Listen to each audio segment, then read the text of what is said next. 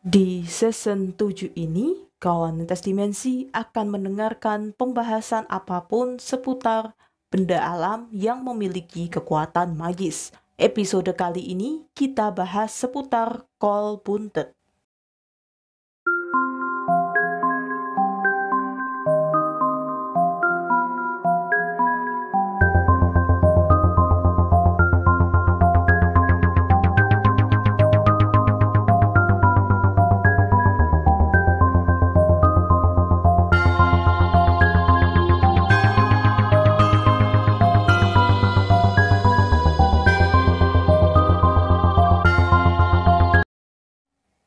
Kol buntet atau lebih dikenal sebagai keong buntet adalah rumah keong laut ya atau binatang yang memiliki cangkang sebetulnya di mana cangkang ini sudah tidak digunakan lagi. Jadi sudah ditinggalkan oleh penghuninya kemudian tidak ada lagi yang mau memakai sehingga ini menjadi buntet atau buntu.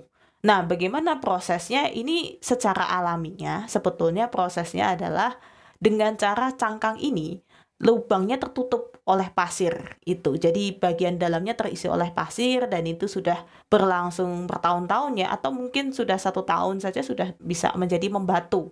Dan pasir ini karena kejebak jadi tidak ada lagi lubang di situ sehingga ini menjadi satu jenis fosil. Sebetulnya itu.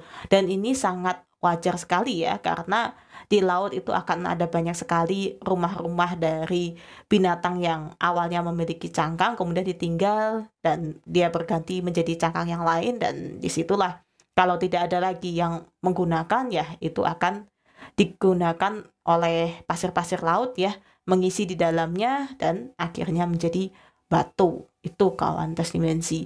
Kalau dibilang ini jenis batuan ya sudah masuk jenis batuan. Saya lebih enaknya ini nyebutnya sudah masuk jenis fosil.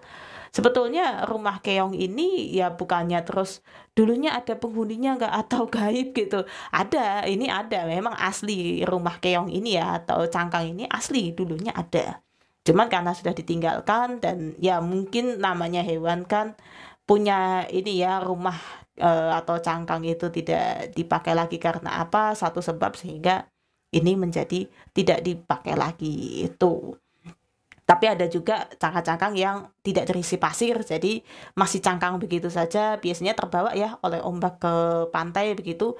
Ya itu berbeda, itu bukan kol buntet karena itu masih ada lubangnya. Itu banyak sekali. Kalau saya ke pantai biasanya menemukan yang semacam itu yang sudah ditinggal oleh pemiliknya, oh, tinggal oleh hewannya, tetapi dia tidak buntet karena lubang masuknya masih ada. Itu kawan dimensi. Nah kol buntet ini kenapa sih kok dicari ya? Karena kol buntet ini konon katanya bisa memanggil rezeki ya atau bisa mengundang rezeki.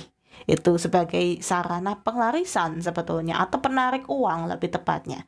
Sehingga kol buntet ini memang yang dicari adalah yang cukup untuk dimasukkan ke dalam dompet sih. Sebetulnya kan yang cukup untuk dimasukkan ke dalam dompet sehingga itu untuk mengundang uang itu datang ke dompet itu. Begitu sebetulnya. Nah, tetapi tidak bisa sembarang kol buntet. Memang akan ada banyak sih kol buntet itu kalau di pantai kalau kita mau niat nyari ya. Bisa jadi ada banyak, tapi saya kok belum pernah sih nemu ya. Biasanya saya nemu tuh ya masih ada lubangnya. Makanya saya buang gitu kan. Takutnya kalau ada ternyata masih ada hewannya, tapi ternyata kosong atau bagaimana. Nah, kalau yang ini ini kol buntet yang memiliki daya magis itu dia sepasang. Jadi sama ya, namanya sepasang sama. Jadi ada dua gitu sepasang itu dan itu kalau dua-duanya disimpan ke dalam dompet atau ke tempat penyimpanan uang, ini yang akan menjadi penarik ya bagi uh, apa?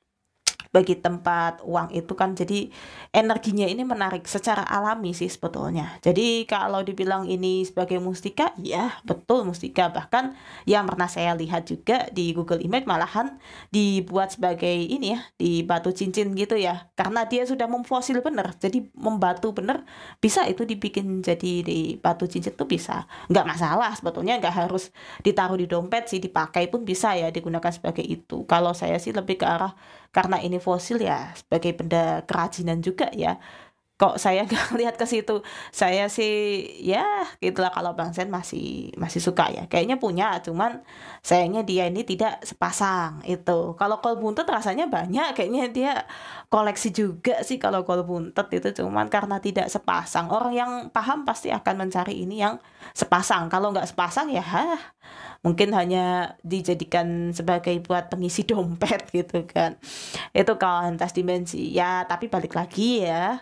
Meskipun memiliki benda ini bukan berarti terus kita jadi pengangguran udah kita anggurin aja dompet di situ juga bukan. Kita tetap harus memiliki usaha. Kita tetap harus bekerja. Tetapi ini yang menarik itu. Bukan berarti juga ada uang orang di dompet lain kemudian ketarik ke dompet kita. Waduh ngeri ya. Kalau ada benda yang begitu bukan juga gitu. Maksudnya ditarik dalam artian mungkin terjadi transaksi pembelian jual beli atau apa pun itu sehingga nah dompet kita terisi itu kawan lintas dimensi. Nah kalau untuk mencarinya ya cukup sebetulnya di daerah pesisir pantai ya. Terkadang kalau kita memang beruntung ya pas ombak datang ternyata ada benda itu kalau mau cari sih. Cuman susah-susah gampang juga ya cari benda semacam ini di pinggir pantai ya. Tapi bukan yang pantai berbatu maksudnya bukan yang ini ya. Kalau di Bengkulu kan masih banyak dulu pantai-pantai yang dia berbatu begitu. Ya ada sih bang saya juga nemunya di pantai yang ada di Bengkulu itu. Maksudnya yang berpasir gitu ya biasanya di pasir-pasir itu ketutupan eh ternyata itu kol puntet gitu. Tapi kalau itu yang tidak sepasang ya nggak ada ininya sih. Ya paling hanya dijadikan sebagai apa ya koleksi ataupun aksesoris bangsa itu juga begitu sebetulnya. Ya disimpan di dompet katanya buat apa gitu. Ya itu hanya untuk pengisi dompet kayak gitu sih. Nah itu kawan tes dimensi. Nah kalau kawan tes dimensi tertarik lagi ya untuk membahas sesuatu hal tentang benda-benda semacam ini silahkan bisa DM ke kami. Kami akan coba untuk cari materinya ya. Karena kalau tidak dicari tentunya ya kita nggak mau asal sekedar membahas itu. Dan ini adalah episode terakhir dari season 7. Nantikan season 8 akan ada episode yang lebih menarik lagi, tentunya pembahasan yang lebih seru lagi bersama saya Dita Arin dan Bang Sen yang akan terus mengisi podcast ini mengedukasi kalian dengan informasi seputar dunia supranatural. Tentunya yang masih aman, yang masih boleh didengarkan oleh manusia.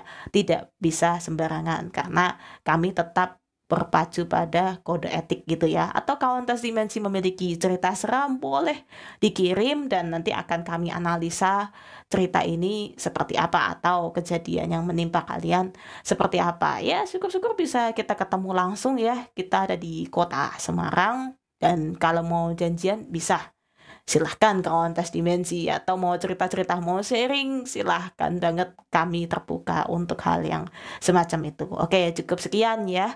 Terima kasih sudah mendengarkan sampai di episode terakhir dari season 7 ini dan salam semesta